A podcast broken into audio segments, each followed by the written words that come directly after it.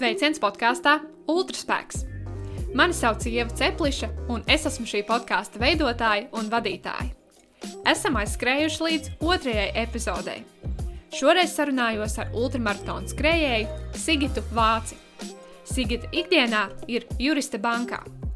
Viņa ir ne tikai vairāku ultramaratonu laureāte, bet arī pirms diviem gadiem Sigita kļuva par pirmo sievieti no Latvijas, kur ir finišējusi Grieķijas 246 km garo ultramaratonu Spartatlonu. Ar Sigitu runājām par ultramaratonu skriešanu attālinātās sacensībās un par atbalstu komandas nozīmīgumu ultrās. Runājām arī par labdarības ultramaratona Rīga Valmiera 107 organizēšanu un to, kā ir skriet pašas organizētā pasākumā. Epizodē uzzināsim, ko no visa iepriekš nosauktā darīt ir vieglāk skriet, atbalstīt vai organizēt. Es gribētu teikt, ka mūsu tikšanās noteikti bija laimīga sagadīšanās. Kāpēc? Uzzini sarunā!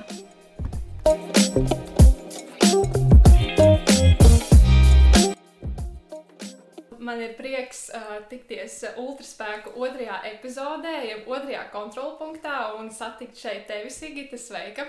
Čau, Ieva, čau, klausītāji!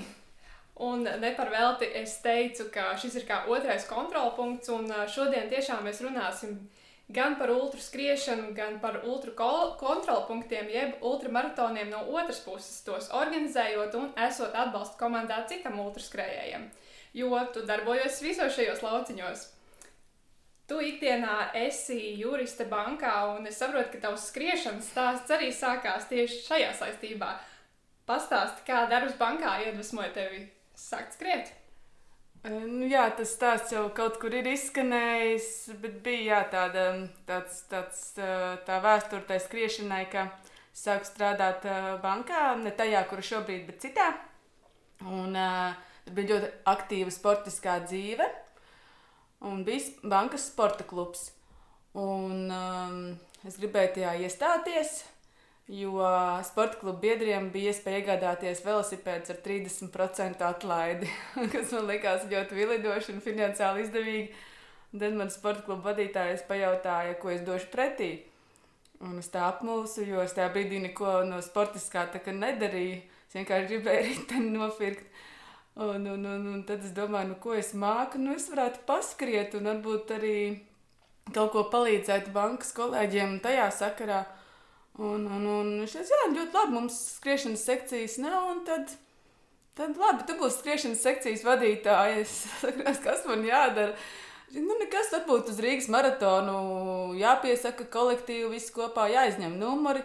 Nu, tā kaut kā, un, un, un tā tas sākās, jā. Tas bija 2008. gads. Un tas sākās ar uh, pirmajiem pieciem kilometriem. Jā, jā jo kā, nu, nu, man, man likās, nu, kā tad es skriešanas sekcijas vadītāju pati neskriešu maratonā, un tad tos vismaz tos piecus vajadzētu noskriet. Un mums pirms tiem pieciem kilometriem bija tieši viens treniņš meža parkā, kur mēs ar diviem draugiem, ja nemaldos, noskrējām trīs kilometrus, rīktīgi aizelsušies un domājām, nu, kā mēs tos vēl divus noskri, noskriesim tajās sacensībās. Un, nu, tad, nu, labi, būs jau labi, kaut kā jau tiksim galā. Ja trīs noskrējām, tad vēl divus noskriesim. Jā, man arī īstenībā līdzīgs stāsts ar diviem treniņiem pirms sešiem kilometriem Rīgas maratonā, bet tur jau sacensībās pavelkās līdzi. Un es saprotu, tas tā palēnām uh, gāja 5 km, 10, pirmais pusmaratons, maratons. Tas tā lēnām, tā prātīgi. Jā, jā, jā tas bija pat ļoti prātīgi. Ja nemaldos, četrus gadus mēs pēc tam, pēc tiem pirmajiem pieciem kilometriem, neko vairāk par 21. Tas pusmaratons bija griezti četrus gadus. Mēs tā, tikai pusmaratons kopā tur tādu kompāniju skrējām. Un tad pēc tam četriem gadiem bija tas jautājums, nu, kaut kad jau vajag to maratonu. Tad mēs arī tam pirmajam maratonam ļoti, ļoti, ļoti rūpīgi gatavojāmies. Tas nebija ne sasteigts, ne nepārdomāts, ne kaut kas spontāns. Tam bija ļoti, ļoti mētiecīga gatavošanās tam pirmam maratonam. Un kurā brīdī bija tas klikšķis, ka maratons ir noskrietis, tagad vajag mar ne tikai maratonu, ar maratonu nepietiek, vajag arī ultramaratonu? Nu, tas arī nebija tā, ka tagad uzreiz ultramaratons. Um, tas bija tā teikt, sapīšanās ar pēdiņās nepareizajiem cilvēkiem, ar Matīs, Imantu un kas tur vēl bija, kuri vienkārši piedāvāja braucam uz Liepāju paskriet. Un es taču vispār nesapratu, ko nozīmē viņiem braukt uz Liepāju paskriet, ka tas būs kaut kas 40 plus vai cik tur kilometri un divas dienas pēc kārtas. Es vispār uz to treniņu, nu, es sapratu, ka parasts koptreniņš. Un uh, es ierados uz viņu tā kā es nezinu, bez, bez nekā, ne pat man banāns līdzi, nekas. Un es nesaprotu, visi iet kaut kur pa vidu veikalā, pērk, ēd. Es domāju, bet nu, mēs taču tikai bišķiņi paskriesim, nu, kas te ko ēst. Un, jā, un tad, kad es redzu, ka tas maršruts virzās prom no liepājas, tur jau karos, tur kaut kas vēl, un es saprotu, ka tev būs visa diena. Un tas bija tāds pirmais, laikam, es ja nemaldos, 49 km. Jā, un, un tad patiesībā tas, tas pirmais simtnieks arī atnāca pakāpeniski, jo tās bija sacensības Hāņā, kur formāts ir tāds, ka tu noskrien 42, un pēc tam Tu vari noskriet nākamo apli, kas ir 6 km, un finišēt, un tev ieskaitīs rezultātu. Tāpēc es uz tām sacensībām braucu ar domu, ka pēc 48, pēc 54 es varu beigt. Un, protams, tas tā nebeidzās, jo kaut kādā brīdī man teica, ka es tur esmu tuvu trešajai vai esmu trešajā vietā. Un tad es noskrēju pirmos simtus bet es nekad viņus nebūtu noskrējis apzināti. Ja es būtu braukusi uz sacensībām, kur ir 100 km, bet es braucu uz sacensībām, kurās es varu izstāties pie jebkuras atzīmes virs 42. Un tāpēc varbūt tas bija tā vieglāk. Un tā arī sākās. Jā, šobrīd jau varētu teikt, tavā kontā ir um, vairāk ultramaratoni ar lieliskiem panākumiem. Gan viss piedestāls Rīga Valmiera 107 km skrējienā, gan pirmās Latvijas finiša Spartatlonā. Un par šiem skrējieniem mēs mazliet citā veidā vēl parunāsim. Bet uh, tas, ko, par ko es tagad gribēju parunāt, ir, tu jau iesāk par skrējieniem, kas ir uh, uh, par apļiem. Un, uh, Šī gada aprīlī, kad sacensības klātienē nenotika, norisinājās Backyard Ultra, kas uh, nozīmē, ka attālināti sacentās skrējēji kur bija katru stundu, ja nemaldos, jānoskrien 6,7 km aplis. Un viss tik, tik ilgi, kamēr paliek viens skrejējs. Un tev izdevās izcīnīt starp dāmām pirmo vietu 26 stundās ar rezultātu 174 km. Ja es pareizi saprotu. Varētu tā būt. Jā. Es īsti pati neatceros. nu, jā, tas, tas jau pirms kāda laiciņa, bet nu, mans žurnālistikas gēns saka, ka tā bija. Un kā tev vispār, tu jau iesāki par šādām sacensībām, kur ir apli, kā tev tāds koncepts patīk un kā tev ar to veids? Mm, es teiktu, ka man patīk tas koncepts. Protams, tas ir jāzina iepriekš. Jo nu, viss, kas, kad, kad tu ej uz sacensībām, tev ir jāzina, uh, iepriekš, kā viņas tiks, or, nu, tiks organizētas. Tu nevari aiziet uz maratonu un tad saprast, ka viņš būs piemēram septiņos apļos pa sešiem kilometriem. Jo nu, vismaz man personīgi to vajag zināt iepriekš. Un tad es tam arī tā kā galvā noskaņojos. Un, jā, man daudz ir prasījuši, nu, kā tu vari riņķot pa kilometru, pa divu kilometru apli. Bet es to esmu iepriekš zinājusi, es to esmu sev prātā pieņēmusi un es uz to esmu noskaņojusies. Un, un tad tas ir vieglāk, un es teiktu, ka man tas patīk, jo kas apļos ir forši, Tu nekur nepazūdi prom. Tu katru, katru apli vari satikt savus atbalstītājus, savus kādus tos cilvēkus. Tu vari padzerties, paēst, eh, kaut ko nezinu, ja kaut kas tev atgadās, nomainīt kaut kādu apģērbu, kas tev varbūt spiež berž. Nu, tā ir tās, tās ir tās priekšrocības. Un vēl kas ir arī ļoti liela priekšrocība, tu vari vērot citus, un, un, un tad vai no viņiem arī samotivēties, vai atkal otrādi Tā kā nezinu, paskatīties, cik viņiem slikti iet, un, un priecāties, ka tev viss ir labi. Nu, tie apļi ir tā, tur ir tās, tas, tā sava burvība tajos apļos. Jā, un uh, tieši runājot par to backyard ultra, ka tur bija stundas laikā jānoskrien tie 6,7 un vēl jāpaspēj paēst, atpūsties. Kā tur bija ar organizēšanu? Vai tas bija darbs pirms, vai tas bija spontāni uz vietas? Kā tev bija ar to pusi? Mm, no sākuma bija ņemot vērā, ka tas notika attālināti, um, tad uh, svarīgākais bija izdomāt, kur mēs to darīsim. Um, mēs sapratām, ka mēs to nedarīsim Rīgā, jo mēs dzīvojam trešajā stāvā. Un katru stundu kāpt trešajā stāvā un, un, un lejā, tas būtu, būtu liekas lodze vēl papildus klāt. Tad otra doma mums bija par saldu, kur ir mana mammas māja un tā kā privāta māja, un kur, kur tā kā atkrīt tā stāvu kāpšana. Um, bet tie, kas pazīst saldu, viņi zina, ka saldus atrodas tā kā bedrē, un tur skrienot uz jebkuru pusi ir augstuma metri, ir, ir kalniņi augšā lejā, kas mums arī negribējās, jo Uh, jo viens ir, ka tā backyard ultra būtu klātienē un visiem ir vienāda trase, bet tad, ja tu vari izvēlēties, tad labāk atrast kaut ko, kas tev ir ērtāk un, un vieglāk. Un tad nāca piedāvājums no mūsu draugiem uh, Liepājā, jo Liepājnieki arī bija savākušies, uh, kas grib skriet un taisīt to tur uh, lauku mājās, netālu no Liepājas pie Edgara, kurš tad arī kā saimnieks pat uztaisīs dažādus tos 6,7 km maršrutiņus, un uh, ka viņi pat visi nebūs vienādi. Līdz ar to, un arī gludi. Tas likās vilinoši. Un tad, jā, tad pirmais bija, ka izvēlēta tā liepāja.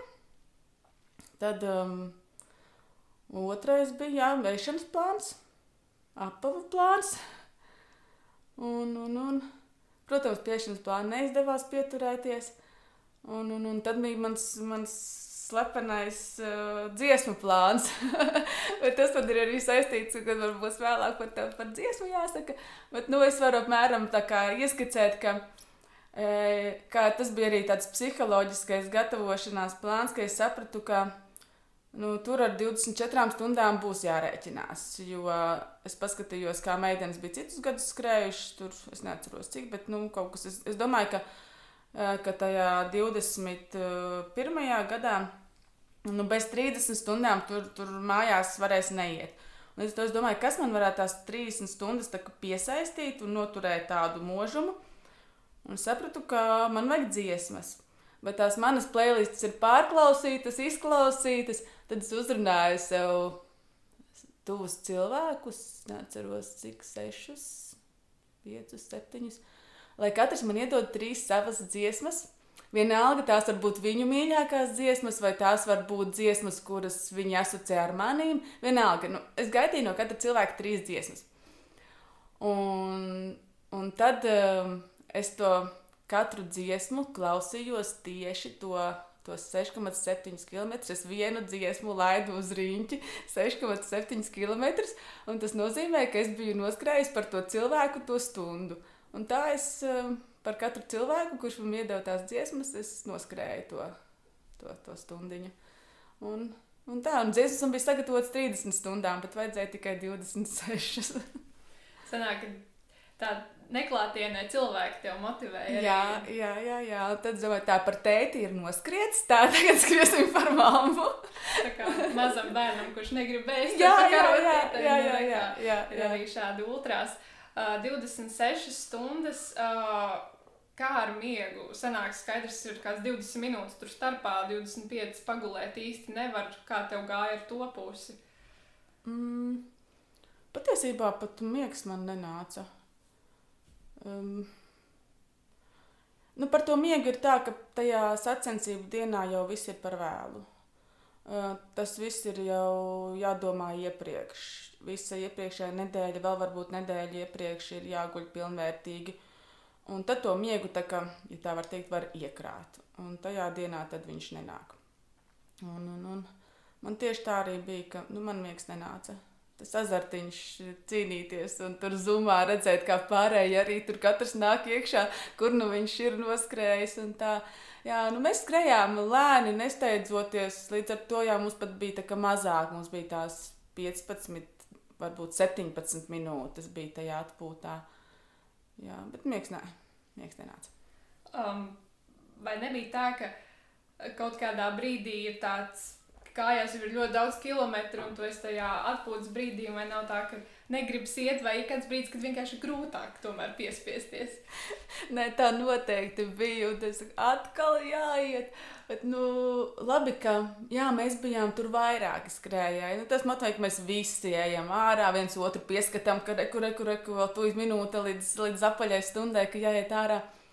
Un tad arī tie liepānieki, kas nepiedalījās Backyard Ultrā, bet viņi mūs atbalstīja. Viņi bija aizbraukuši mājās pa nakti pagulēt, un viņi teica, mēs rīt no rīta atkal būsim atpakaļ. Un tad tie tā kā jauni spēki arī piedeva motivāciju, ka viņi ir atgriezušies. Viņiem tikai bija grūti, mēs jau tur kļuvām lēnāki, ne? viņiem bija grūti, viņi bija izgulējušies, viņi tādu svaigumu pilni ir atbraukuši tev palīdzēt. Un bija grūtāk, jā, viņiem noturēties tajā mūsu lēnajā tempā. Bet, nu, jā, jā, jā, jā ir, bija grūti iziet. Un, un, ne, mums tad bija beigās, jau mums bija iestrādājušies, kad bija tumsa. Mums bija trīs maršrutiņi, tiem 6,7 km. Pa dienu mēs skrējām vēl pa mežu. Patiesībā meža segums ļoti palīdzēja, ka tās kājas nepiedzinās. Un tas arī viens, momen, viens no momentiem, kāpēc tik labi izdevās noskriet un bez nekādām traumām. Tā, jo tas meža segums deva to, to mīkstu atspērienu un, un, un visu gaišo laiku mēs pa mežu noskrējām un tikai tumsā gājām uz asfalta.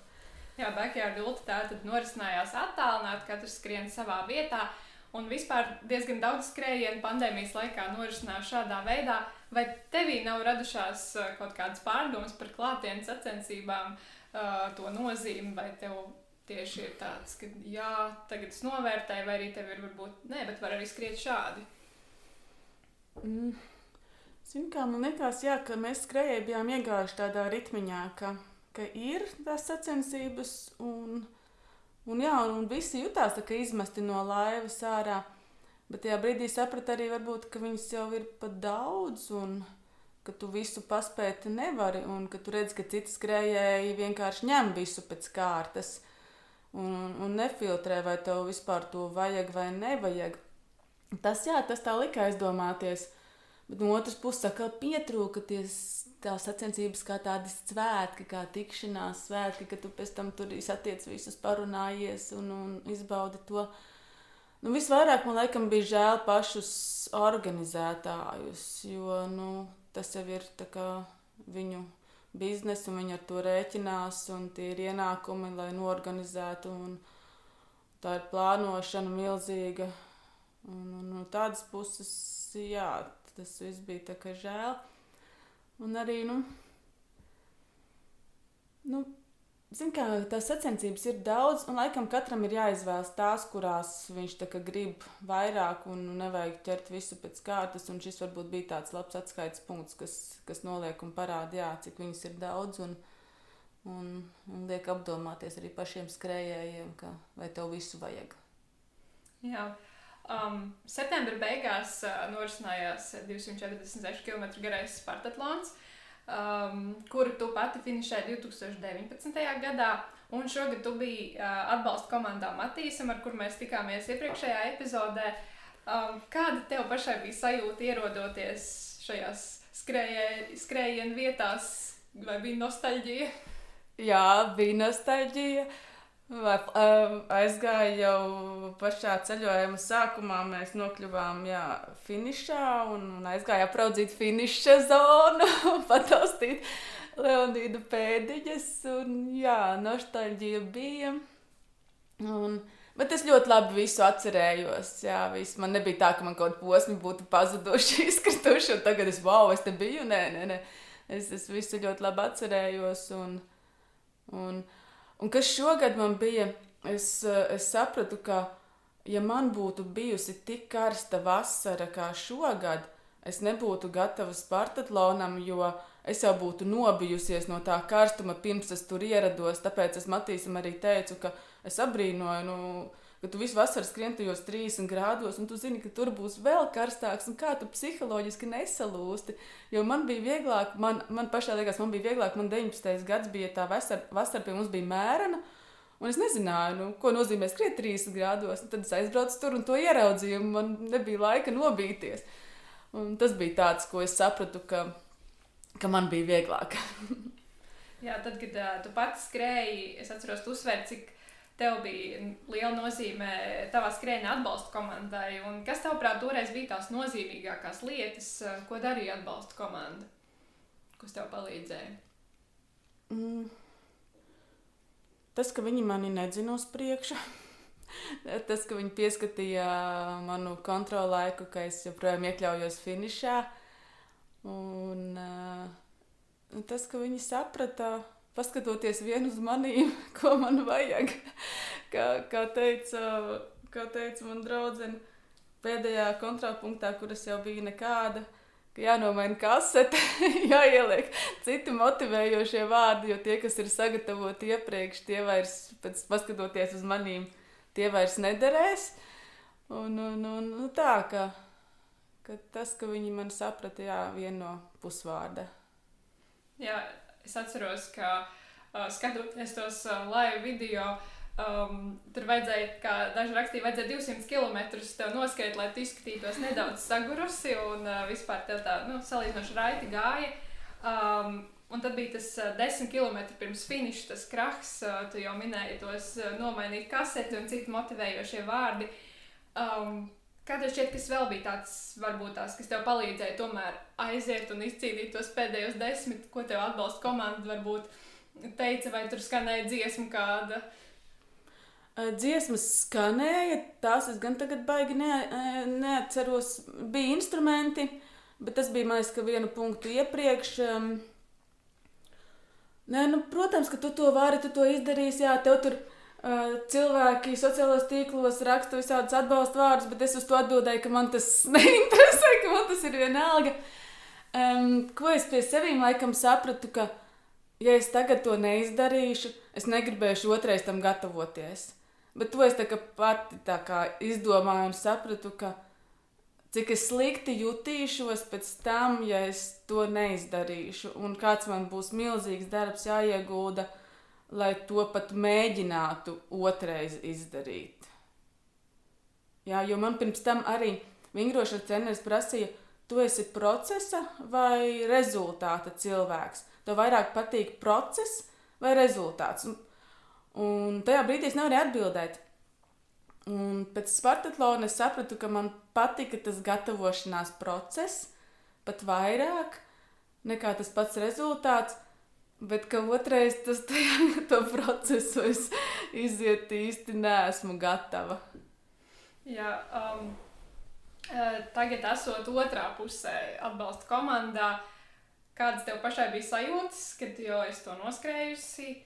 Un kā vispār bija redzēt Spartatlonu, tā sacīt no pašas priekšpuses, kad vēl viss top?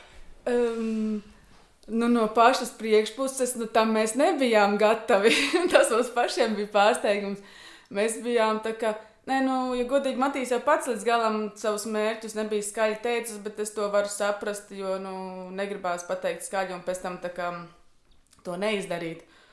Bet to, ka mēs tur pa, pa līderiem dzīvosimies ar visu savu atbalstu komandu, tas bija ļoti liels pārsteigums. Un mēs tam īsti varbūt arī nebijām līdz galam gatavi, jo mēs bijām pieraduši, nu arī, kad es skrēju, mēs bijām tā kā nu, otrā puse. Un tur, tur viss bija tā vienkāršāk un, un netik stingri. Jo tagad arī Digita sieva teica, kur atbalstīja Digita, kurš bija finišējis 3-2 stundās, ja nemaldos. Viņš saka, es skatos tos jūsu video, jums tur ir maskas, jums tur viss tik stingri. Mēs tur pa pakaļgala tur, nu kā, kā sanāk. Jo es stāstu, ka mums pat organizētāji ļauj ņemt limitētu, ierobežotu skaitu pudeļu, ūdeņu, tur nu, viss tur tā, lai tikai pārējiem pietiek, vai ne? Un mums likās, nu, nu, kā, nu kā tas ir iespējams, ka mēs nevaram paņemt to, ko mums tajā brīdī vajag. Un, un tā, un tāpēc tas, jā, tas bija tas pārsteigums par to priekšgalu, jā, ka tur viss ir, ka tu ierodies punktā un viņi vēl nav viņu uztaisījuši, tev tikai rezultātu laika ņemšanas iekārtas tikai liek un, un ripinārā. Un, nu jā, tas bija tāds ļoti interesants pieredze. un tagad, uh, kad tu zini, ka tu biji noskrējis un atbalsta komandā, un kurā brīdī tev šķiet, šobrīd vieglāk bija pašai skriet vai būt atbalsta komandā? Es vienmēr saku, ka vieglāk ir pašam skriet, jo tu nezini, nu, tāpat kā līdzīgi, kad uz, uz, kāds uz skatuves dzied, tu nezini, kas tur vai viss ir kārtībā ar skaņu, prožektoriem, mikrofoniem. Tu to neko nezini. Tev ir tikai jāaiziet un jānodzied. Nu, te bija līdzīgi, ka, eh, kad tu skrien, tu zini, ka tev ir tikai jānoskrien. Labi, tas ir varbūt grūti un tā, bet tu nezini, kas tur notiek aizmugurē. Nu, mums bija līdzīgi tas, ko mēs tur izcīnījām. Matīsam aiz muguras bija, nu, bija, mēs, ka ir stāsta vērts, jo, jo pirmkārt, um, kas bija pats lielākā, lielākā tāda, uh, es nezinu, kļūda no organizētāja puses, dalībniekiem bija zināmi 15 kontrolpunkti, kuros viņiem var palīdzēt. Noteikti kontrolpunkti. Bet tai, tiem cilvēkiem, vietējiem, kas strādāja kontrolpunktos, viņiem bija iedots cits saraksts. Un, ja mēs atskienam, piemēram, uz 15. kontrolpunktu, un mēs sakam, mēs te varam atbalstīt, viņi saka, jūs te nevarat atbalstīt. Un mēs saprotam, ka mēs nevaram pakļauties tam, ka viņi saka, ka jūs te nevarat, jo mums ir matīs, kur, kuram ir iedotas tik žēlējas, tik ūdens, cik uz to brīdi vajag, un viņš tieši šajā punktā sagaidīs un viņš atskries, un mēs viņam teiksim, ka nē, mēs tev nevaram neko dot. Mēs domājam, nē, šis ir jāatrisina, nu mēs to nevaram atstāt. Mēs, mēs cīnījāmies, mēs atradām nolikumu oficiālo, kur ir tie īstie punkti, kas ir mums zināmie. Tad mēs centāmies pārliecināt kontrolpunktos esošos cilvēkus, ka mums ir taisnība. Tad viņi zvanījās ar savu vadību. Nu, beigās mēs izcīnījām, ka mēs atgriežamies pie vecajiem sākotnējiem kontrolpunktiem, kur ir zinām visiem skrējējiem, nevis kāds kļūdas pēc ir izprintējis citus un iedevis visos punktos citus kontrolpunktus. Un tāpēc arī, piemēram, Aināram Kumpiņam bija atbalsta komandā puiši, kas tā kā nav skrējējis atbalstījuši nekad, viņi ir riteņbraucēji paši, Un viņi ar tā, viņi tā, ah, nu jā, te nevar, te nevar, tad mēs ejam projām. Es saku, puiši, bet Ainārs gaida, ka jūs tieši šitien būsiet, un viņam vajag jūs. Es saku, ņemiet, redz, kur jums ir links, te ir īstie punkti, rādiet viņam to, nu cīnīties. Un tā visa bija tā aizmugure, kuru mēs tā kā dabūjām izcīnīt, un mēs to izcīnījām.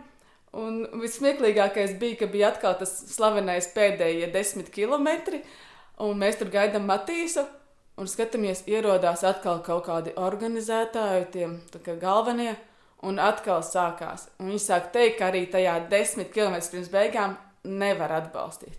Mēs domājam, jā, viens mēs esam visu nakti jau izcīnījuši to cīņu, un tagad pēdējā kontrapunktā atkal mums ir jācīnās. Un, un jā, tad mēs atkal ņēmām atkal savus papīrus ārā, un, un to visu jau skrejējis neuzzina. To visu To visu viņš uzzina pēc tam, kad mēs viņam stāstām. Viņš klausās un brīnās, jo viņš ir savas žēlējas dabūjis tajā punktā, viņa, kurā viņš viņus gaidīja, un viss. Nu, kā šeit jau arī iezīmēs, cik svarīgi ir atbalsta komanda pat tādās lietās, pat ko nevar prognozēt, izcīnīt, lai var atbalstīt konkrētā punktā. Un, kā jums vispār kopumā gāja tajos punktos? Jo atšķirībā no tā, tad, kad tu biji, es atceros, tajos video tu tā atnāci, sēdēji un mierīgi ēdi lēnām, kas arī bija labi. Bet šeit jau izskatījās vairāk pēc formulas brauciena. Nevienā brīdī neapsēžoties ātri, ātri timeris. Kā jums gāja tur vispār? Nu, par to timeri tas tā kā. Tas nāca no Matīs treneru puses. Nu, ne, nevis, ka vajag timeri, bet kaut kā viņš bija tajos um, novēlējuma vārdos vai instrukcijai startam uh, kaut kā uzrakstījis, nu, ja tu kontrolpunktos pavadīsi tur ilgāk par tik un tik, tad tu vari mājās nebraukt. Nu, tad, tad, tad tu būsi ļoti slikti nostartējis. Bet viņš bija pateicis kopējo laiku kontrolpunktos pavadīto. Un mēs viņu izdalījām ar tiem kontrolpunktu skaitu. Un tad mēs sapratām, cik tās minūtes mēs viņam varam ļaut. Un, un, un pie tā arī mēs pieturējāmies par to sēdēšanu. Nu, tur, manuprāt, Matīs pats bija ļoti kaujinieciski noskaņots, ka viņš tā kā netaisās sēdēt. Bet mēs arī aktīvi viņam nepiedāvājām. Jo bija viens smieklīgi, vienā punktā bija jā, ka mēs, mēs apgriežam krēslu tā, lai nu, Matīs ieskrien un viņam ir tā kā atzveltne priekšā. Un, un tie organizētāji, kas ir tagad kontrolpunktā, viņi griež otrādi. Mēs sakām, nē, nē, nē, mums vajag tā, lai viņam nav tas sēžamā daļa priekšā, bet lai ir tieši atzveltne, lai viņš tikai atspiežās pret atzveltni. Un, un mēs arī sapratām, ka mēs to sēžamo daļu griezīsim tikai tad, ja viņš pats prasīs. Jo tas ir galvenais arī atbalsta komandai, ka nedari neko tādu, ko tev pats skrejējs īsti neprasa. Un, uh, un tikai tas uh, skrejējs var teikt, ka man ir grūti, nevis atbalsta komanda prasīt, vai tev gadījumā nav grūti. Jo tad arī viņš pats sāks domāt, ah, nē, man laikam ir grūti. Jā. Un šī bija tāda uh, supporta rokas grāmata, ko Matīs bija laikam 19. gadā atradis kaut kur internetā. Kur viena britu skrējēja atbalsta komanda bija uzrakstījusi punktus, ko darīt un ko nedarīt. Un tad jau mēs tad viņu palasījām. Vai no paša Matīs arī bija kaut kādi komentāri, uh, ieteikumi, vai ko jums un kā darīt, vai tas bija vienkārši jau iepriekš atrunāts? Iepriekš mums bija sarunāts tas ēšanas plāns un ledus, ka mums vajag, kurā punktā mums vajag dabūt ledu, kurā punktā mums vajag mainīt lukturus. Un, bet tur mēs arī bišķiņi nesapratām. mēs sapratām, ka tās, tās baterijas tā, pietiek uh, visiem lukturiem, ka mums nevajag papildus lādēt. Un tad viņš vienā brīdī pajautāja, vai mūsu baterijas lādējās. Mēs sapratām, ka nē. un, un tad bija tāds, tāds, tāds moments, ka ir tās uh, lukturiem ir tās maināmās baterijas, kuras tā kā iesprāž un kuras jā, pie USB var lādēt. Un mums bija trīs tādas baterijas, kuras mēs domājām, ka tā pietiks Matīsam, bet viņš bija izdomājis, ka labāk ir lādēt un ņemt svaigu bateriju katrā tajā tumšajā posmā, lai tas lukturis ir spilgtāks. Un tad bija tāda situācija, tajā brīdī, kad viņš paprasa, vai mēs lādējam, un mēs saprotam, ka nē, bet, protams, mēs viņam sakām, ka jā, jā, jā mēs lādējam, viss mums notiek. Un tad mēs bijām mašīnā četri cilvēki. Es stūrēju, un pārējie trīs turēja tās trīs baterijas USB un skatījās, lai tā gaisma neizdeg, lai viņas tiešām lādējās. Jo mašīna, zināmā mērā, kratās, un tur var kaut kas nostaigāt, un tas lukturs var nelādēties. Un tad visi trīs turēja savas baterijas un sekoja līdzi, vai lādējās. Un tad tā, kur bija visvairāk uzlādēta, tā tika dot Matīsam nākamajā punktā. Un, un, un, un, un tā. Jā, man šķiet, tie, kas eh, kādreiz būs vēl atbalsta komandā, šeit var paņemt tādu dentaļu, ka liekas, skrejēji neuztraukt, baltie meli arī dara. Galvenais, lai, lai viss ir kārtībā. Vēl viena lieta, kas tev bija tāds uh, uzdevums, bija tāda uh, reportāža vai tiešraižu veidošana, uh, lai, lai tie, kas Latvijā jūt līdzi, lai var sekot. Un, uh, tur, protams, bija daudz, kas skatījās un rakstīja komentārus, atbalsta, vai tev tas arī palīdzēja un motivēja tie, kas uh, no Latvijas jūta līdzi. Mm Tu domā, manā skrējienā vai Matīs? Uh, tieši vispār, bu, esot tur, kad tu jūti to, ka Latvijā tik daudz arī atbalsta viņus, ka tev tas ļauj ah, būt arī mhm, atbalsta mhm, mhm. komandā tādai stiprākai. Jā, jā, jā, jā, tāpēc arī. Uh, Kad es, es jau redzu, cik tajā brīdī skatās, un, un kad ir tā interese, tas, protams, tas, protams liek, Jo man pēc tam prasīja viens no skrejējiem, kāpēc man tik, garas, tik gari tie video, ka viņš gribēja pēc tam noskatīties, bet tie pirmie bija pagari. Uh, Uh, bet uh, es sajūtu, ka nu, tu sagaidi, ok, tu sagaidi aināru, tie viņa cilvēki noskatās. Tad skrien Matīs, un es domāju, nu kā to būs Diana, un kā nu viņu arī nesagaidīt. Es taču zinu, ka viņas mamma tur ir otrajā galā un, un skatās un gaida. Un es tagad vienkārši izslēgšu, visu paldies un, un, un braucam tālāk. Tāpēc sākumā bija tās tiešraides tik garas, jo viņi visi trīs bija diezgan tuvu un tās 40 minūtes, vai cik tur tas tā, tā, tā tiešraide, viņa tā kā ietvēra viņus visus trīs, un, un tur, tur sākumā arī bija ko pastāstīt par, par citiem skrējējiem. Pēc tam jau viņas kļuva īsākas un, un, un tā. Bet es jau to uzreiz Matīsam jau sākumā teicu, nu man nebūs nekādi tur tādi. Ne? Tā kā tu taisīji man, jo man viņš tur vēl filmēja, pēc tam montēja, vēl kaut ko lika klāt, tur tos pulsus, tur rādītājus, nu viss tur bija pārāk. Es teicu, nē, šito tu no manīm negaidi. Augstākais, kas būs no manīm, būs tās uh, Facebook uh, tiešraides, bet ar to arī viss man svarīgākais ir tavs atbalsts. Un tādā ziņā tiešraides bija otrajā plānā, bet Bet, uh, jā, kad es sapratu, ka Latvijā seko līdzi, tad, tad centāmies viņus palaist biežāk. Uh, tu jau ieskicēji, ka uh, redz, Aināram bija atbalsta komandā neskrējēji, un ka tas varbūt brīžiem traucē. Un, Tu ne tikai skrēji, bet arī pati noskrēji Spartaklonu. Vai tas tev palīdzēja, varbūt kaut kādas konkrētas detaļas tev bija, kas tev ļāva labāk viņu saprast tieši esot atbalsta komandā pašu Matīs, kurš skrien? Mm, es domāju, ka noteikti. Nē, nu, pirmkārt, jau man bija vieglāk atbalstīt, jo es ne tikai esmu skrejēji, bet es arī esmu kopā ar viņu. Tā kā es pazīstu ne tikai skriešanas pusi, bet arī viņa kaut kādus niķus un stiķus, kas ir tīri sadzīviski. Un tāpēc, kad mēs, mēs bijām četri cilvēki atbalsta komandā, tad mm, Aivars man uzreiz pateica, ka tu esi galvenā. Ir, ir Spartatlona organizētājs, un tad esi tu. jo tu pazīsti viņus labāk no, no visām pusēm, un tu mums dod kā, instrukcijas. Un arī Aināra puišiem, kas ir arī sportiski, un viss viņiem bija arī Ainārs devis. Ja jūs kaut ko nezināt, zvaniet Sigitai. Un tāpēc arī bija brīdis, kad viņi pienāk klāt, un viņi saka, Ainārs mieg ciet, ko mums darīt. Un es nosaucu visu, viņi jau, mēs jau to visu izdarījām. Saka, nu, tad man arī vairāk nav ideju. Un tā kā Nē, nu, tas, ka viņi arī bija sportisti, riteņbraucēji, tas jau arī dod savu. Nu, tas sports ir sports, un, un, un tu esi tajā iekšā, un tas arī nodara un palīdz. Bet, jā, ja būtu pilnīgi neskrējējis, nu, būtu, būtu grūtāk. Man palīdzēja arī tas, ka es jau zināju konkrētos kontrolpunktus. Es zināju, ka, piemēram, tajā kontrolpunktā tur ir lieliska kafejnīca blakām, kur var dabūt to un to. Uh, piemēram, kad Matīs pasūtīja ledu, Mēs zinājām, ka vat, 42. punktā būs pirms tam lielveikals, kur noteikti būs ledus.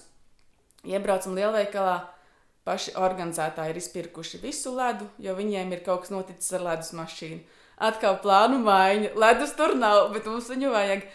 Protams, mēs uz to pirmo punktu nedabūjām to ledu, bet tad mēs caur maziņiem veikaliņiem to, to ledu dabūjām. Un tā ir tā priekšrocība, ka tu to trasi pārzini un zini, kas kurā vietā būs. Nu, nu tā kaut kā. Jā, tad, kad uh, tu pati finišēji, tas bija tāds, uh, nu, kā bija jāskrien nogurdinoši. Atceros, tu teici, ka ieskrienot finišā, tu tajā brīdī nevari to izbaudīt, jo tu vienkārši esi nu, nogurs no tā visa.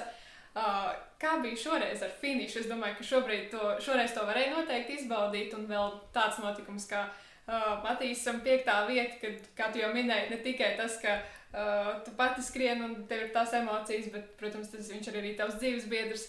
Kā bija stāsts par finišu? Nē, nu, es patiesībā biju, biju šokēta par Matīs finišu.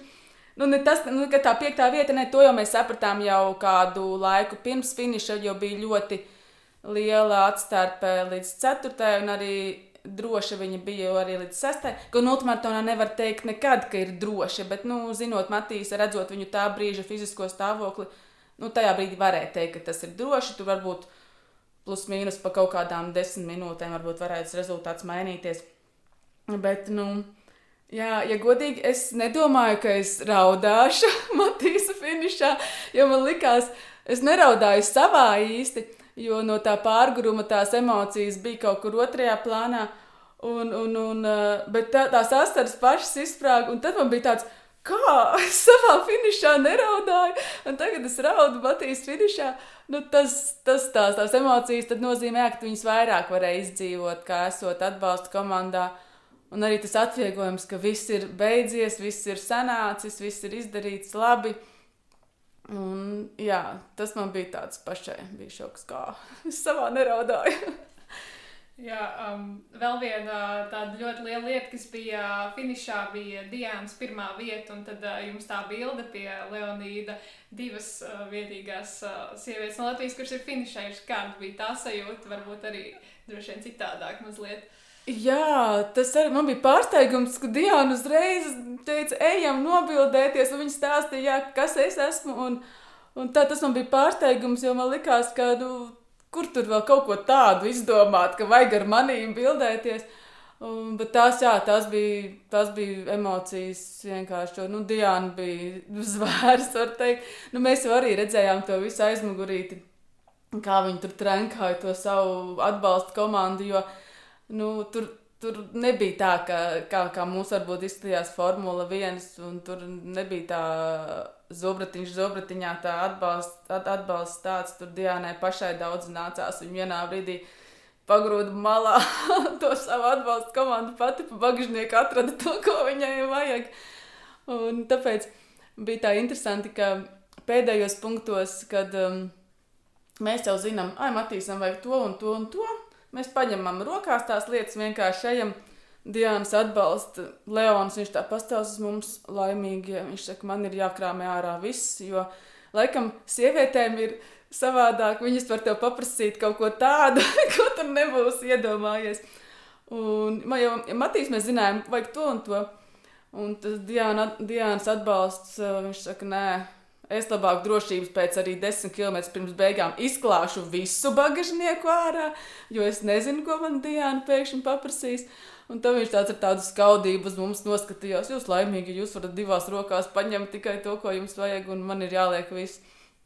Un, un, un tad redzēju, mēs ļoti redzējām jā, to visu Dienas ceļu, un, un tas bija arī fantastisks. fantastisks. Viņa ļoti gāja uz to mērķi, un viņai tas izdevās. Pēc piedzīvotā šogad, un arī pēc tava iepriekšējā, iepriekšējās pieredzes skrienot, vai būs vēl viens Spartatlons no tavas puses? Mm.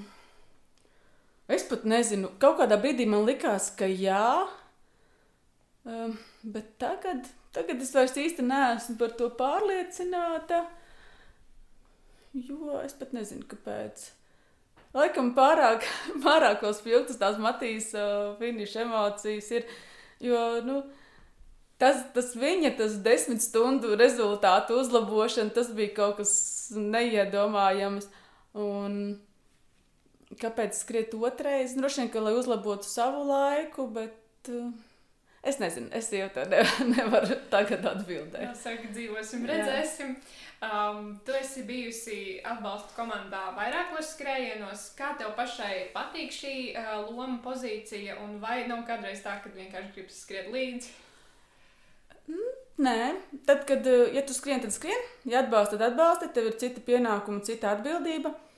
Un es teiktu, ka, ka atbalstam atbildība ir daudz, daudz lielāka, um, jo tu atbildi ne tikai par sevi, jā, nu, skrienot, tu tā kā ar sevi rēķinies vairāk, bet tad, kad tu atbalstu sniedz, tad atbildība pret to atbalstāmo ir milzīga. Nu, jo, zini, ja tu kaut ko neizdarīsi, tas ietekmēs viņu, un tad viss to es atbildīgi bez mazliet par viņa finišu. Un tāpēc, nē, man skriet līdzi nekad negribās, jo man ir tajā brīdī galvā tas mans darbiņš, kas man ir jāizdara, un viņš ir jāizdara pēc iespējas labāk. Un, skriet līdzi. Nē. Es pat Spartatlonā tā kā baidījos. Vai es varēšu tos pēdējos 200 metrus noskriet, jo man likās, ka Matīs tajā adrenalīna un tās eifórijas ietekmē, viņš varbūt tur sprintos tos pēdējos 200. Un, un es tur pārgurusi, un man bija tur tajā brīdī kaut kāds trīs kārtas apģērba, vēl mugurā jau bija naktī ļoti augsts, bija jau plus 6 grādi no tiem plus 30 nokritušies. Man bija savilkts mugurā viss, kas ir. Es domāju, nu kā es tā varēšu, vai es varēšu paskriet tos 200 metrus. Un tad es tā Bet viņi satraucos, vai es varēšu paskriet līdzi. Bet tas bija vienīgais brīdis, kad man gribējās paskriet līdzi. Citur trasē nē. Bet vai tu spēj arī izbaudīt kopumā to atmosfēru? Tas ir droši vien citādāk nekā pašam skrienot. Esot atbalstā. Mm. Nē, atmosfēru var izbaudīt. Tas, kas atšķiras, ka mēs viņu šobrīd, šoreiz izbaudījām no tā priekšgala, un tur, tur, tur ir savādāk. Jā, tur ir savādāk. Bet izbaudīt var, jā. Jā, laikā, kad šobrīd norisinās dažādi labdarības pasākumi, es gribēju parunāt par vienīgo labdarības ultramaratonu Latvijā, kas ir Rīga Valmiera 107. Un tu piedalies tā organizēšanā, un varbūt tur pastāstīt, kā ir organizēt ultru. Mm ir izaicinoši, it sevišķi Covid laikā. Nu, mums ir katram, eh, mēs tur tas kodoliņš esam kādi 5, 6, 7 cilvēki. Eh, tas ir neskaitot visu lielo brīvprātīgo mm, darbu. Un tad katram ir ļoti stingri sadalīti pienākumi. Nu, ņemot vērā, ka man ikdienas profesija ir, eh, ir jurists, tad man ir tas saucamais papīra darbs sākumā. Um, un līdz ar to Man citreiz pat pārējiem nākas tā kā tā pateikt, pagaidiet, pagaidiet, mums vēl nav saskaņojums ar to, un jūs jau skrienat tur uz priekšu, vai ne? Jo man ir tie saskaņojumi ar Rīgas domu, pieminiektu aģentūru, lai vispār var pie Rīgas pieminekļa, pie brīvības pieminekļa kaut ko darīt. Ar dronu, lai varētu palaist, lai varētu Latvijas universitātē tik tiešām, nu, viss papīra darbs ir pirms tam jāizdara. Un ir klasiski, ka Rīgas doma mums atļauj iedot nedēļu pirms pasākuma, un tas pat ir ļoti ātri. Ir bijis tā, ka atļauj iedot divas, trīs dienas pirms pasākuma, un līdz ar to ir tāds laiku uz jautājumu zīmes, vai tas pasākums vispār būs. Un, um, kas pats interesantākais šogad, nu, tu, protams, arī neiztikt bez kurioziem. Un šogad, kad mums teica, ka mums ir jānorobežo brīvs piemineklis, tad es arī tā sēdēju un domāju, nu, kā es tagad vienkārši aiziešu piekdienas vakarā un sākšu vilkt lentes apkārt brīvs piemineklim. Nu, man tur uzreiz būs klāta policija un man savāks. Un, un tad, protams, dabūju, dabūju kontaktus pašvaldības, Rīgas pašvaldības policijai, sazvanījos ar viņiem, bet tur arī džeki pretī viņi tādi Bet jūs taču nevarat vilkt kaut kādus celtnieku, sarkanbaltu, sarkanās lentes ar brīvs pieminiektu. Kā tas izskatīsies, nebūs smuki. Nu, es viņam piekrītu, es saku, nu nav smuki. Viņš saka, jūs varētu varbūt tur satversmes, satversmes aizsardzības birojiem ir tādi smuki stabiņi, vai, vai Rīgas lidostā. Tā, man vēl jātiek uz, uz, uz satversmes aizsardzības biroju, jo viņiem ir smuki tie tur puļķīši. Vai nu nē, nu. Es tieši tajā brīdī biju saldu, tad, un tad man ideja radās, es piezvanīju piemēram saldus uh, sporta un kultūras organizētājiem, pajautāt, vai viņiem gadījumā nav smuki puļķīši. ir braucu uz saldu, piekrāpu pie pilnu bagažnieku ar smukiem puļķīšiem, kuri pēc tam stāvēja pie brīvas pieminekļa. Zvanu Matīsam, ka vajag uzdrukāt smukas lentes, jo celtnieku lentes nebūs smuki pie brīvas pieminekļa. Nu, tā tas viss tā aizmuguri ir tāda, ko tas viss darbs, kas ir pirms tam jāizdara tikai dēļ piecām minūtēm, lai tu saliktu puļķīšus, apvilktu lentu un palaistu startu.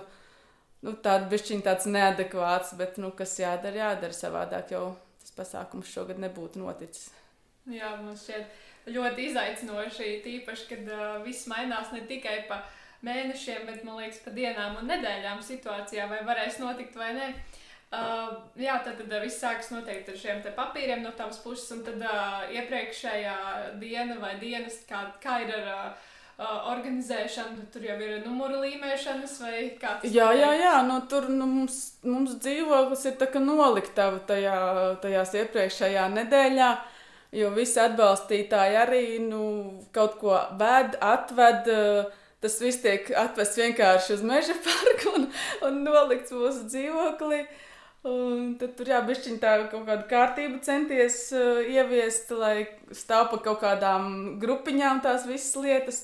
Jā, un, un numurus, čipus uz numuriem līmējam iepriekšējā vakarā. Nu, jā, tā tas, tā tas viss tur notiek. Viss ir, visu vediet uz meža barku, jā. jā. Uh, šis ir arī labdarības skrējiens, kas ir tāda pievienotā vērtība. Un, Varbūt var pastāstīt organizēšanas ziņā, ar ko tas atšķiras, un vai tev pašai ir lielāka motivācija to visu organizēt, jo tas ir labi mērķu vārdā? Jā, tas noteikti tā atšķiras, jo tā jau bija sākotnēji, manuprāt, Imantam radās šī ideja, kas ir otrs Rīga Valmiera organizētājs, ka jau otrajā gadā, ka vajag kaut ko, lai tas nav tā plika skriešana. Un tā tas arī aizsākās. Un tad, protams, tā, tā pievienotā vērtība ir milzīga. It sevišķi, kad mēs redzam tos bērniņus, kuriem ir palīdzēts pirmajos gados, ka viņi tagad atnāk finišā un viņi jau ir uz savām kājām, un kad tu redzi to progresu, nu, tas ir, nu, to vispār nevar, nevar, nevar izstāstīt. Un kad tu redzi, piemēram, ka šogad, kad, kad Jāna viena pati cīnās ar, ar diviem puikām, Tad tu domā, ka tavs ikdienas visas nepatikšanas ir pilnīgi nekas, vai ne? Ka Jānis stāsta, viņi ceļās tur tikos, piecos, viņi iet uz darbu, jo darba devējs viņai ļauj strādāt no pieciem līdz desmitiem. Un tu domā, nu, ak, Dievs, nu, tu nevari piecelties uz saviem septiņiem, un, un, un, un tā, tas, tas viss pilnīgi, tā, tā, tās tavas dzīves problēmas kļūst pilnīgi, pilnīgi nesvarīgas kad tu redzi to, ka, kā, kā cilvēkiem citiem ir jācīnās ar, ar veselības problēmām. Un tāpēc mēs arī to turpināsim. Un, un tāpēc arī mēs citreiz atgriežamies pie jau atbalstītiem bērniņiem, jo, ka, ja redzam, ka viņam vēl vajag palīdzēt, jo viņi jau tādi mūsējie kļūst, kļūst pēc tam. Es visus viņus pieskatu un, un, un sekojam līdzi, kā viņiem veicās rehabilitācijā. Un, un tā, bet tas arī ir ļoti atkarīgs no pašiem vecākiem. Jo pirmais jautājums, kad mēs izvēlamies eh, bērniņu atbalstīt, Jo to mums iemācīja ziedot, ziedot uh, meitenes, ka pirmā komunikācija ir ar vecāku, jo ne visi ir gatavi publicitātei. Bet tad, kad mēs uh, gribam kādu atbalstīt, loģiski, ka viņš tiks iekļauts kaut kur sociālos tīklos, mēs par viņu rakstīsim, runāsim, mēs viņu filmēsim, rādīsim, un citi vecāki nav uz to gatavi. Tāpēc pirmā, pirma, pirmais jautājums ir vecākiem, vai viņi ir uz to gatavi. Jo daudz ir atsakās, saka, ka, ka nē. Bet te mums lielu lomu spēlēja iepriekšējo gadu vecāki, jo viņi pasaka, ka tas ir forši, ka tas neko sliktu nedara un esiet uz to gatavi. Un, un, un, un tā te jau mums ļoti palīdz Kristus māma, Jā, Kristīna, jo viņa saka, viņi jau tajā savā, nu kā skrējēji zina viens otru, tā arī šādu, bēr, šādu bērniņu vecāki arī viens otru pazīst. Un tāpēc mums vairs, ja agrāk mēs rakstījām ziedot un prasījām, iedodiet mums kādu bērniņu, Tad mums vairāk tagad vai tā, tā problēma nav. Mums ir Kristīna, kur pasaka, es jau zinu, jums nākamgad būs šitie aizdevumi, kad man jau ir vēl viena ģimene padomā. Un šogad tāpēc bija smieklīgi. Mēs rakstām ziedot eh, LV par uh, pogas pasākumu noslēguma. Un viņi mums prasa, ko jūs šogad vispār atbalstat? Jums nevajag kādu bērnu? Es saku, nē, mums jau ir divi, tur uh, Toms un Edžus. Ah, jā, viņi ir baigi forši. Ah, jums jau viņi ir. Jā, es saku, jā, mums jau viņi ir. jā, um, tu jau atbildēji, ka skriet vienmēr ir vieglāk, ja salīdzinām skriešanu un organizēšanu, bet 2019. gadā, kad tu gatavojies Spartatlonam, tad tev nācās apvienot. Bija gan jāorganizē Rīga Valmiera, gan arī skrēji. Vai to var un cik tas ir sarežģīti? Nu, tajā gadā man tas vienkārši bija jādara, jo nu, to, to manu papīra darbu neviens cits neizdarīs, jo ir vieglāk izdarīt man, jo es jau esmu tajās, tajā iegājusies. Citreiz ir tā, ka labāk izdarīt pašam, nekā iemācīt to izdarīt kādam citam, jo tas ir pat ilgāk, laikietilpīgāk nekā pašam izdarīt. Un jāskrien man bija, es domāju, ka es neskriešu ne uz kādu rezultātu, jo man viņš bija kā treniņš Spartatlonam paredzēts, tās sacensības bet kur es to sajūtu, ka tas ir bijis grūtāk. Tieši Rubenē, laikam, 14 km pirms beigām man vienkārši man ļoti sāka nākt miegs. Es sapratu, ka es varu fiziski paskriet, bet man tā nāk miegs. Un, un, un tad es vienkārši sēdēju, es teicu, es teicu meitenēm no Rubenes kontrapunkta, ka man tā gribās pagulēt. Un tad saprotu, ka tas ir dēļ tās organizēšanas, ir iekrājies tas, tas, tas, tas miega bats. Un, Un, ne, nu labi, ka viss beidzās labi. Jā, uh, organizējot, uh, sanāk uh, šajā pašā sacensību dienā, braukt pa kontrolpunktiem un uh, tu redzi to, kas notiek tur, un ko tev pašai dod, kā skrējējai, vērot to, kas notiek šajos kontrolpunktos. Vai tā ir arī kaut kāda iedvesma, vai ko tu iegūsti tajā brīdī? Nu, tajā brīdī baigi, vismaz pirmajos punktos, iegūt un izbaudīt neko nevar, jo Pirmais ir, vai ir galds atvests, vai viss ir uz galda uzlikts. Domā tikai par praktisko pusi. Uh, un vai tam skrējējam tur viss būs labi, kad viņš ieradīsies. Jo šogad tur mums bišķiņi arī bija kaut kas ar, ar, ar, ar, ar plānošanu, un ne tā, jo.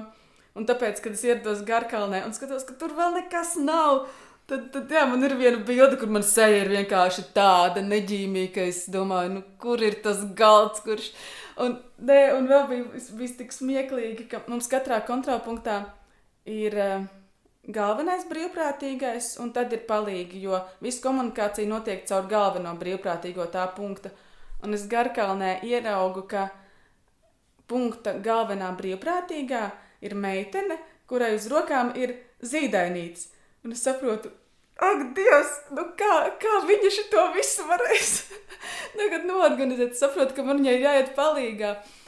Un, un, bet tu jau nekad iepriekš to nevari paredzēt. Nu, mazums viņai bija paredzēts kaut kur to mazo atstāt vai kā, bet nu nesanāca. Viņa tagad ir galvenā. Es domāju, kā viņa varēs likt tūlīt galdu, kuru atvedīs, sākt visu klāt, jo viņai ir mazais uz rokām. Tajā brīdī tu saproti, viss ir, nu, kādas vēl, kādas vēl tur izbaudīšanas vai izjušanas. Tev ir jāķerās vienkārši un jādara lietas, kas tajā brīdī nenotiek. Bet tad uz beigām, jau uz rīta pusi, tur jau mums ir beigās stabilie mūsu ilgadējie, brīvprātīgie. Un tur jau viss iet tā kā pa ķēdīti. Tur jau tu drīzāk to, ka viņi parūpēsies par skrējējiem, tas ir skaidrs. Mums drīzāk, un arī man gribās parūpēties par brīvprātīgajiem, aizvest viņiem to silto ēdienu, ja viņiem tur vējš pūš, mēģināt dabūt to telti ar maliņām, lai viņiem tā kā nosaktu kaut ko. Nu, mēģināt padarīt to, lai tam brīvprātīgajam ir vieglāks tas darbs. Jo tas, tas ka viņi parūpēsies par šķējiem, tas ir skaidrs, un man tur pat īsti vairs nav jāiedziļinās tajā. Jā, skaidrs, ka, piemēram, skrējējiem, tad uh, viņam ir tas pats skrējiens, tad tālāk viņam par neko nav jādomā. Tad brīvprātīgi ir savos kontrolpunktos vai finišā. Bet tu esi kā organizators gan pirms, gan visu nakti, gan to rītu, gan arī, kad viss jau aiziet, tad jums vēl jāpaliek, viss jānovāc. Kāda ir sajūta, vai nav e, pēc visas nakts un dienas garās e, kaut kāds kosmos galvā, vai kā notiek tas viss? Nē, ir, ir kosmos, un mēs katru gadu nesaprotam, kā mēs nokļūstam Rīgā. Un vienu gadu es pat dabūju sodu par ātrumu pārsniegšanu, un es Matīsam saku, nu kā? Mēs tik lēni čunčinājām, jo visi bijām pārguruši un saprotam, ka nav nekur, kur nesties, un mēs lēni prātīgi braucam, un ja, kādam, ja vienam sāk nākt miegs, tad mēs mainamies pie stūras, un es vēl dabūju sodu par ātrumu, un tas bija tāds, nu kā, kā tas ir iespējams? Bet jā, tā diena ir, ir gara, bet mēs ar katru gadu padarām, mēģinām padarīt sev tā kā vieglāk. Mums ļoti palīdz jau pēdējos divus gadus eži, ežu brigāde, kas uzliek un novāc skatuvi, līdz ar to mums tas nav pašiem jādara. Un uh, arī jau tajā citā organizācijā mums kaut kā jau iestrādājas. Nu, katru gadu tu saproti, kur tu vēl kaut ko vari uzlabot, piemēram, kaut kādas finiša mantas. Uh, vai tas, kas paliek pāri kontrolpunktos, ka viņš kaut kur nekrājas pa mašīnām brīvprātīgajiem, kad, bet kad viss tiek aiztransportēts uz finiša zonu, tur vienā vietā tas ir. Un līdz ar to, jā, katru gadu tu atrodi kaut ko, kur vēl vari uzlabot, lai tev paliek vieglāk. Bet viena lieta, kas nemainās, ir pārpalikušās mantas, kuras ir mūsu garažā jau no gadu gadiem sakrājušās. Un es pat vienu dienu skrienot, domāju, ka jātaisa kaut kāda labdarības izsole, jo tur, tur tiešām ir ļoti labas lietas. Tur ir pat lukturi, labi skriešanas krekli, botas laikam ir atraduši īpašniekus. Bet ir tiešām labas lietas, kuras tu varētu, nezinu, kaut kur nezinu, izsolīt, un, vai arī vienkārši atdot skrejējiem, kuri paši varbūt nevar atļauties sev nopirkt kvalitatīvas lietas. Jo jā, tas kaut, kā, kaut kad ir jāizdara, jo tās atstāto mantu birojas mums tur paliek lielāks tajā garažā. Uh, Lieliski. Un, uh, es domāju, ka tas kosmosa galvā, liekas, ir tas, kas piesaista gadu vienkārši atkal un atkal gan organizēt, gan skriet visiem, gan iesaistīties. Um, bet uh, sarunas noslēgumā es gribēju tevi uh, nocitēt. Um, uh, rāmjus un ierobežojumus mēs bieži vien uzliekam sev paši.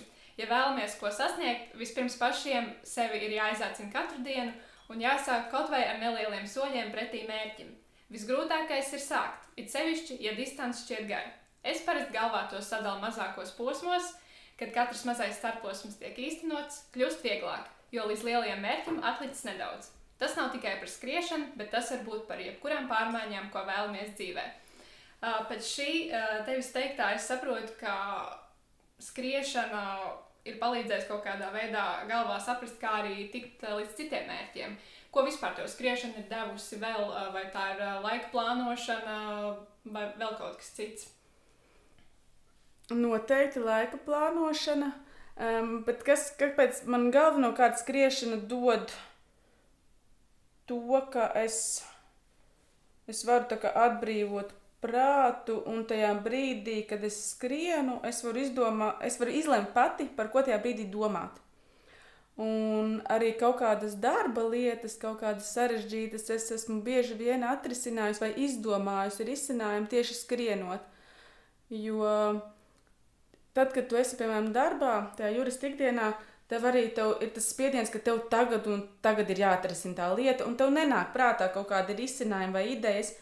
Bet tad es zinu, ka es vakarā aiziešu paskriet, man būs pilnīgi cita vide apkārt, un kaut būt tajā brīdī Es izdomāšu kaut ko, kas man nākamajā dienā noderēs darbā. Jo tie ir tā vidas maiņa, un tas, ka tu atslēdz prātu. Tāpēc ļoti bieži man ir gribējuši pārvilināt uz orientēšanos, uz rogainīgiem. Saku, tas, tas, kas man gribās skriešanā, ir vienkārši nedomāt vai domāt par to, par ko es tajā brīdī gribu domāt. Bet orientējoties un ejot rogainīgos, man ir jādomā par tiem kontrolpunktiem, kur karta jāplāno, bet es to negribu.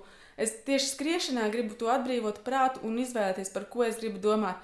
Es visas kaut kādas Ziemassvētku dāvanas esmu izdomājusi skrienot, jo tev ir vienkārši daudz laika domāt par to konkrēto cilvēku un kas viņam labāk darētu. Un tā, un tad, un tad es pēc tam pieķeru pie sevis pie, pie domas, ka galvenais to tagad neaizmirst. galvenais to kaut kur piefiksēt prātā un atcerēties. Tāpēc, jā, tā ir tā brīvība tieši arī domāšanas ziņā un izvēlē par to, kam tu gribi to prātu tagad pieslēgt skrienot. Un tāpēc arī tie kilometri citreiz paiet pat pilnīgi nemanot, jo tu esi savās domās kaut kur tik tālu aizklejojis. Bet atkal no otras puses, kad es skrienu ultramaratonus, un daudzi prasījuši, par ko tu domā, un es tajā brīdī es nevaru atbildēt, saku, es esmu visu kaut ko tur izdomājis, bet tajā brīdī, kad tu man paprasti, par ko es tad domāju, nezinu.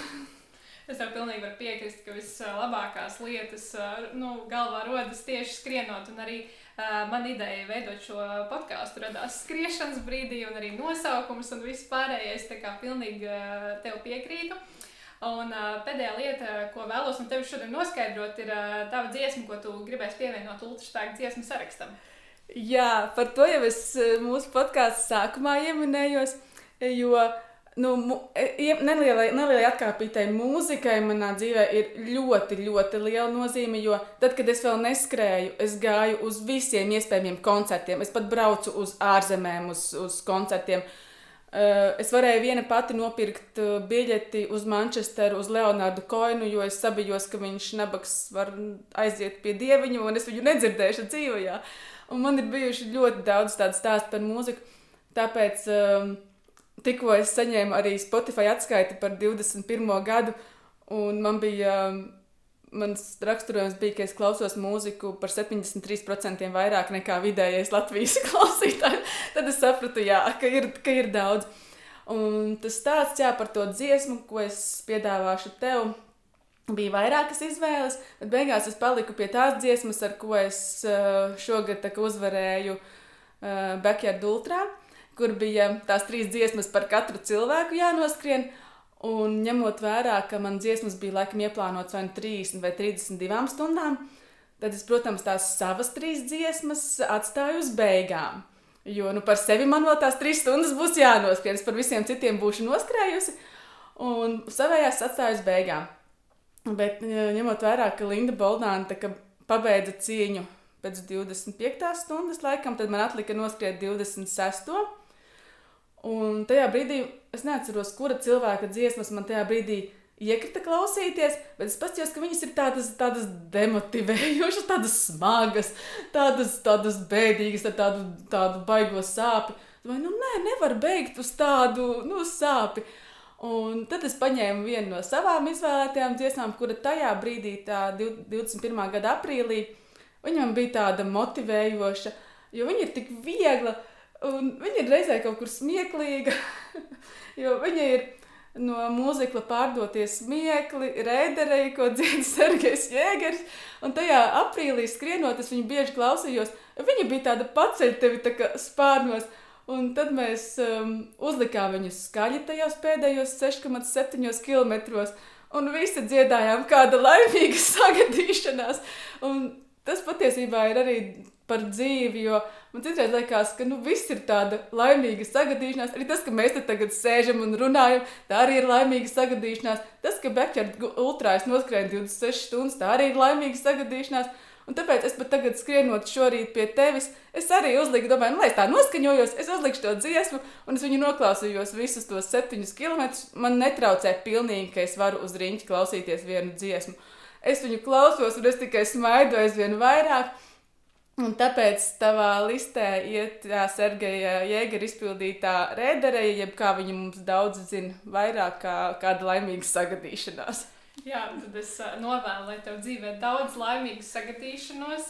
Un uh, lai visiem, kas uh, skrien ultramaratons un vispār uh, ultramaratons ne tikai sacensībās, bet savus dzīves ultramaratons, lai tā ir tāda laimīga rēderēja. Nu, ko tiekamies uh, startos, vai ne? Tiekamies. tiekamies. Paldies tev par sarunu! Paldies tev!